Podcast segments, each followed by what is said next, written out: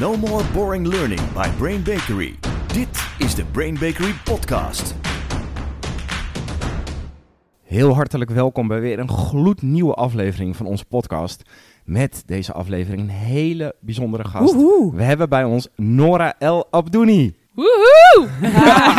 Lekker hoor, daar is ze. Yes! En natuurlijk mijn lieve collega Sjane Bakker. Fijn er weer te zijn. Ja, Nora El Abdouni. Al jarenlang sociaal ondernemer. Trainer op het gebied van inclusie en diversiteit. eh, winnares van diverse prijzen op dit eh, gebied. En een van onze Brainiacs. Heel fijn dat je hier bent om over jouw expertise te praten. Nou, dank voor de uitnodiging. Ja, Nora, de rode draad in jouw cv al jarenlang is culturele sensitiviteit. Dat doe je bij overheden, bij commerciële bedrijven. Dat doe je, nou, je bent er zelfs voor uitgenodigd bij de koning en de koningin. Dus dat is echt wel geweldig. Ja. En ik wilde even, even voor de luisteraars een beetje een beeld schetsen. Wat houdt dat dan in? Hè? Zit je dan een soort op een kantoor erover te praten? En want volgens mij ga jij gewoon echt op de mensen af en echt pittige gesprekken aan. Bijvoorbeeld bij de politie. Wil je daar iets over vertellen? Ja, zeker. Culturele sensitiviteit is echt wel een onderwerp waar mijn hart eh, sneller van gaat kloppen. Ik heb daar heel veel in gedaan. Dat klopt ook bij de politie. En wat ik daar heb gedaan is dat ik eh, ehm, nou, samen met de politie heel erg ben gaan kijken naar wat gaat er eigenlijk nog niet helemaal goed. Dus hoe kun je de doelgroep, en dan vooral de biculturele doelgroep, zo goed mogelijk bedienen.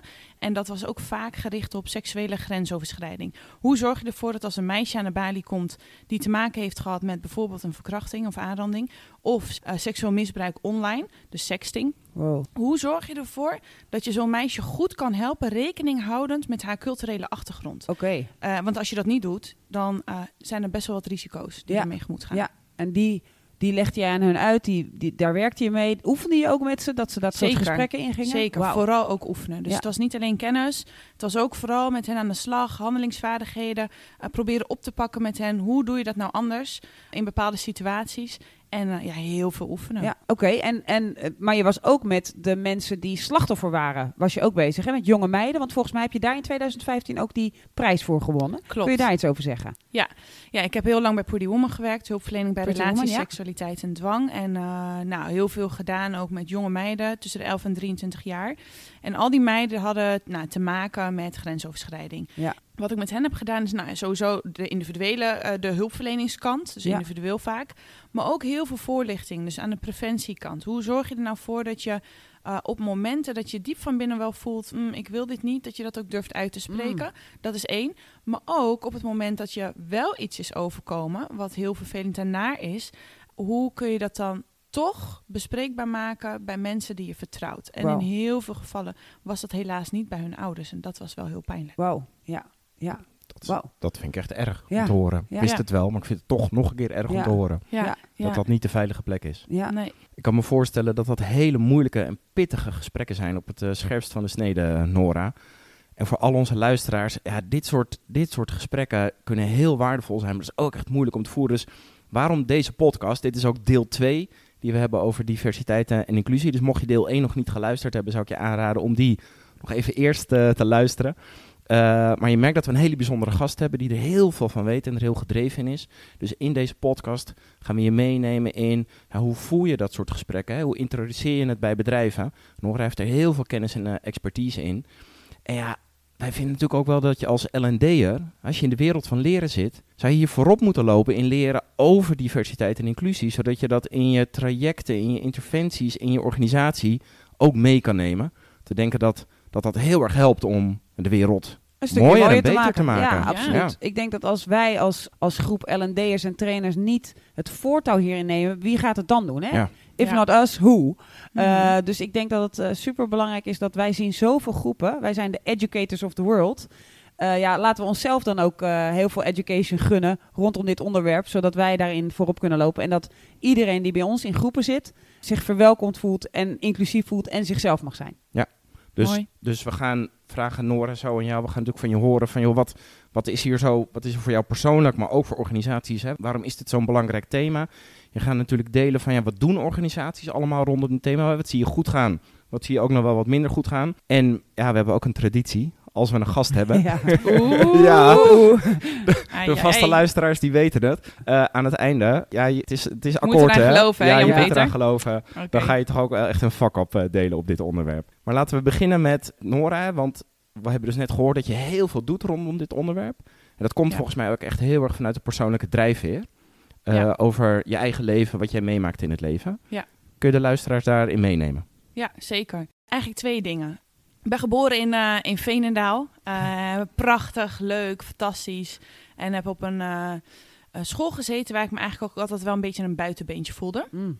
Dus dat was altijd een beetje zoeken naar wie ben ik dan eigenlijk. En ja, hoe verhoud ik me tot de rest van de school? En nou, ik was ook qua kleur, qua religieuze achtergrond ook echt een uitzondering op de regel. Is Daar het heel, begon het is het een heel, heel Hollands, zeg maar, in, in Veenendaal?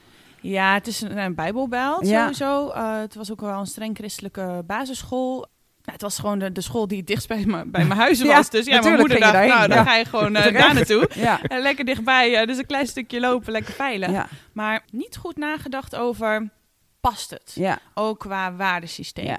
Dus daar begon het eigenlijk. Mm. Daar is het zaadje al wel een beetje geplant. Eh, nou, en toen groeide ik natuurlijk op. Nou ja, verder fantastische jeugd natuurlijk gehad en, eh, en noem het maar op. En toen was er een eh, tweede ervaring van een eh, dierbaar familielid. Ehm, hij eh, moest een stageplek hebben waarbij hij enerzijds kon werken en anderzijds een scriptie kon doen. Ja. HBO, bedrijfseconomie, nou, een fantastisch cv, had ook al een mbo-opleiding. Zodoende ging hij op zoek naar een stage, onder andere via Indeed. Ja. Kwam verschillende vacatures tegen en ook gereageerd. Ja, en hij wilde het liefst bij, bij dat ene bedrijf in Zeist terecht. Eh, Want dat sprak hem het meest aan. Dat sprak Ja, hem het aan. Was een mooi bedrijf, mooie vacature. Eh, gereageerd. Eh, vrij snel kreeg hij de reactie dat ze voorzien waren. Oké, jammer. Maar- Viste achter het net. Oh oh. Ja, ja, je voelt hem misschien al een beetje aankomen. Anderhalf week later stond de vacature nog steeds online. En toen had hij zoiets, het zal toch niet. Oh, het kan een Ehm, vergissing zijn. het kan maar... een vergissing zijn, oh. maar... Ja, dus hij belde me op. Maar Nora, even voor onze doen? luisteraars. Je Ja. zal toch maar een persoon zijn die moet denken... Zou Ja. dit een Ja. vergissing zijn? Ja, Of Wordt heeft het dit te maken ja. met mijn naam, mijn Ja. kleur, mijn religie? Met ja, whatever mensen kunnen afleiden uit mijn naam. ja Oké. het is gek ook om dat überhaupt te moeten Ja. denken. Hè, dus dat is, dat is natuurlijk ook heel naar. Nou ja, hij belde me op, wat zal ik doen? Dus ik zei, bel gewoon even. Ja. Heeft hij gedaan. En eh, die mevrouw die gaf aan, eh, morgen is de deadline, dus als je nog reageert, kan je nog mee in de ronde. Nou, er kan nog van alles eh, gebeuren, maar wat hij eh, in ieder geval wel had gedaan, is dat hij eh, zijn naam had aangepast naar Thijs. Oké. Eh, Toen die belde al. Toen, nee, nee. Oké, hij heeft had, eh, gebeld met zijn eigen naam. Had gebeld, nee, nee, nee. Hij Oh. had gebeld zonder naam. Dus goedemiddag, ik wilde Ah. even eh, hè, Staat vragen. vacature staat nog die open? nog Oké. Inderdaad. En vervolgens heeft hij gereageerd. Zelfde cv, zelfde motivatie met een andere naam. En toen is hij uitgenodigd. En hij is ook gegaan. En hij zat uiteindelijk met vier mensen om tafel. Oh, oh. Eh, iemand van de directie, HR, de secretaresse en een manager. Ja. En ehm, hij is dat gesprek aangegaan. En niet vanuit, hallo, Ik mijn ben naam- Thijs. ik ben Thijs. Nee, hij heeft gezegd, hallo, ik heb gesolliciteerd als Thijs. Mijn naam is... eh, mhm. Mhm. En eh, ik, kom, ik kom het niet hebben over... eh, ik kom niet solliciteren, maar ik kom het hebben over jullie gang van zaken hier. Zo. Heel Ballen. pijnlijk, Ja. maar echt super moedig. ja. Maar het heeft, hem, het heeft echt iets stuk gemaakt in hem. Ach, Ja, Ja. dus dat... dat want hoe reageerde zij? ja, dat had nooit mogen gebeuren en dat is vast een fout. en, Oh, ja. en eh, nou, uiteindelijk is wel toegegeven dat, eh, Ja. dat er gewoon echt eh, dingen niet, niet helemaal gegaan zijn zoals ze Ja. hoorden. Hij heeft ook excuses gekregen. En, eh, Maar in je hart zit gewoon een dolk, of niet? ja, Ja. ja, Ja. en dat was wel het moment dat ik dacht, ik moet hier iets mee Ja. doen. ja. Wauw, wat een Ja. verhaal. Nora, vanuit deze ja, akelige ervaring van je familielid, ben jij je leven gaan inrichten en je werk gaan inrichten natuurlijk rondom culturele sensitiviteit. Hè? Kom je bij veel organisaties en instellingen. Kun je ons eens meenemen in eh, wat, wat, wat doe je allemaal? Hoe voer je die gesprekken? Wat, wat, welke, welke acties gebeuren er allemaal rondom dit thema? Ja, zeker. Nou, misschien is het goed om te vertellen dat het allemaal begon binnen het sociaal domein. Dus ik dacht, eh, ik ben natuurlijk, eh, ehm, nou ja, ik heb lang gewerkt binnen het sociaal domein. Dus ik dacht, oké, daar wil ik in ieder geval het verschil maken. Dus ik wil ervoor zorgen dat de hulpverleners, de docenten, eh, de mensen die met jongeren werken, snappen dat, het, ehm, dat er niet één manier is om eh, aan de slag te gaan met jongeren. Mm. Dat het soms ook op andere manieren zou moeten. Sterker nog, dat je één huis betreedt, maar dat je soms een andere ingang moet nemen. Laat Mm. ik het zo zeggen. Ja, je wil wel iets bespreken, exact. maar via een andere route, Route. misschien. Ja, ja. Ja. en eh, dus dat begon in het sociaal domein. Nou, daar heb ik eh, met gemeenten ook allerlei trajecten opgezet. In gemeente Utrecht is daar een groot voorbeeld van. Ehm, ik heb op verschillende scholen, VO-scholen, MBO-scholen, ehm, vooral met docenten gekeken naar hoe zorg je ervoor dat je, als er sociale spanningen zijn in de klas, waar Mhm. komt dat dan door? En Ja. hoe kun je ervoor zorgen dat je zo cultuursensitief bent dat je die spanningen vanuit verschillende perspectieven kunt benaderen. En niet Mm. alleen vanuit je eigen nou, eh, perspectief. Ja. En dat betekent denk ik ook mensen bewust maken dat er verschillende perspectieven zijn. Exact. Want ik denk dat als je tot de meerderheid behoort, dat je die bijna niet voelt dat er andere perspectieven zijn, omdat het, dat iedereen een beetje praat zoals jij praat. Ja, nou sterker nog, eh, het weten dat er überhaupt andere perspectieven zijn, dat is denk ik stap één.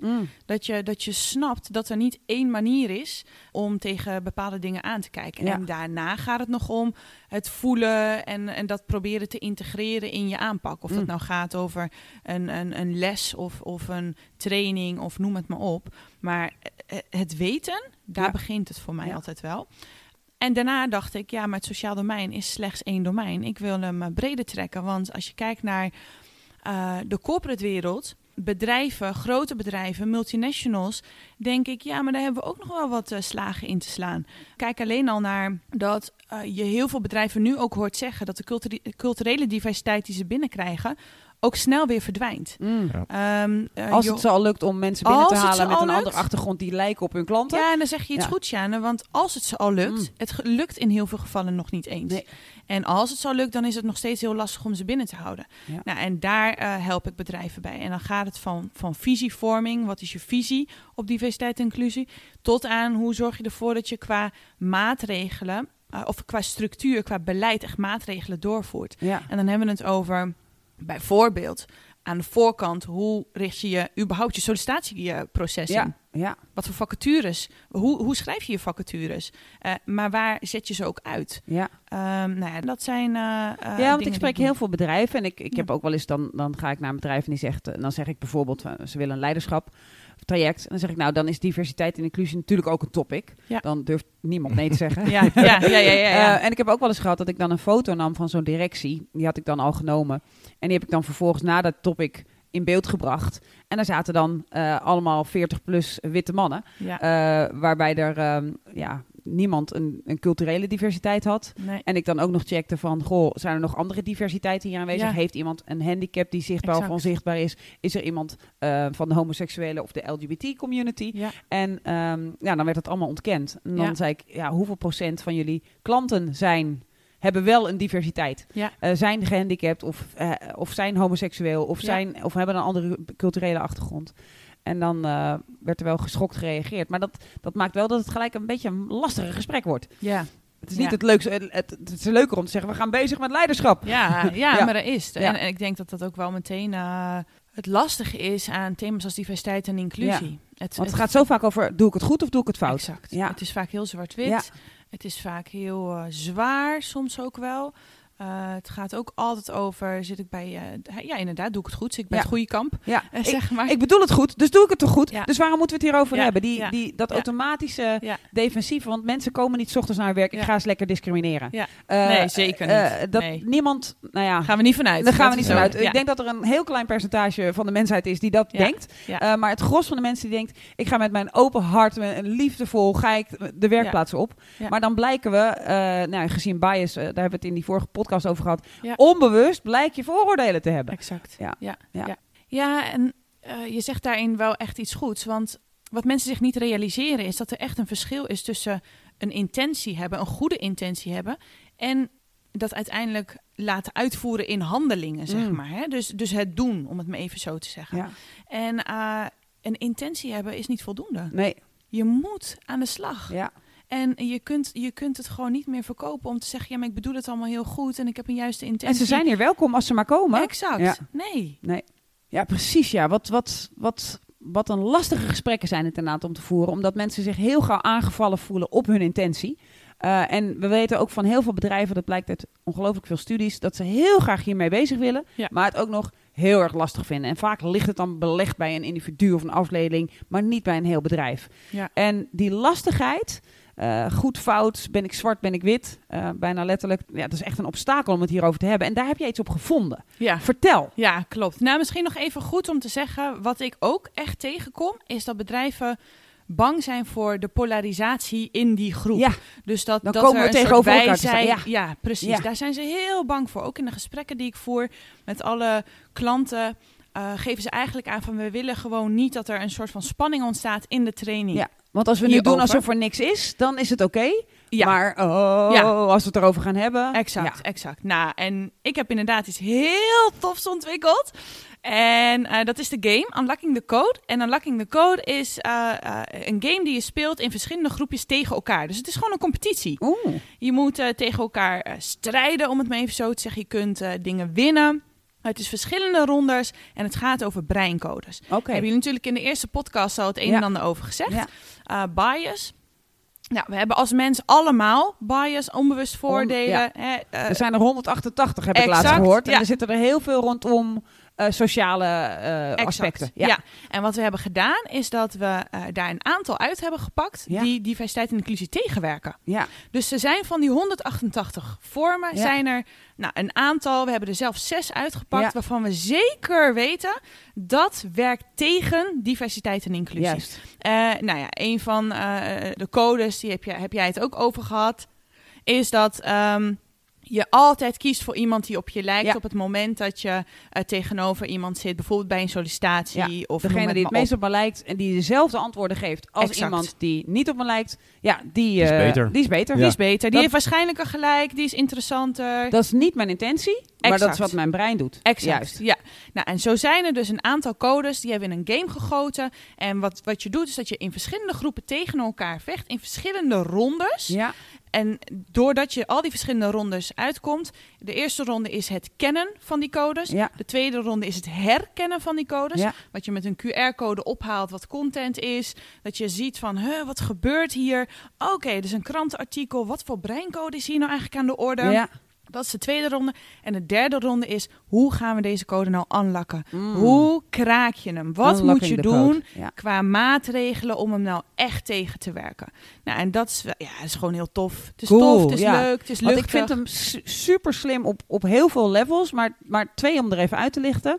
De deelnemers gaan dus niet tegenover elkaar staan, gaan niet in discussie, maar gaan gewoon lekker een game in. Dus in hun Ja. brein hebben ze fun Juist. rondom een moeilijk onderwerp. Dat vind ik een van de Ja. slimste dingen van je concept. En de tweede is dat je die breinaanpak echt pakt. Dus dat je echt zegt, er zitten gewoon codes in je brein. Het gaat niet over of je goed bent of fout bent. Ja. Het gaat niet over je intentie. Je, het gaat gewoon over, zo, zo is je brein gewoon Exact. gevormd. Daar kun jij niks aan doen. Daar ben je zelf ook misschien wel slachtoffer van. Ja. Alleen het helpt wel om te snappen dat het zo is. Ja, ja precies. Nou, Ja. wat ik zelf eh, heel veel van klanten terughoor, is wat werkt nou lekker hè, met deze game? Ja, Is met deze game maak je een soms zwaar onderwerp luchtig. ja, Dat is één. En twee, dat polariserende effect waar we het net over hadden, dat voorkom je eigenlijk doordat we kunnen zeggen dat ieder brein zo geprogrammeerd lijkt te zijn. Ja. Hè?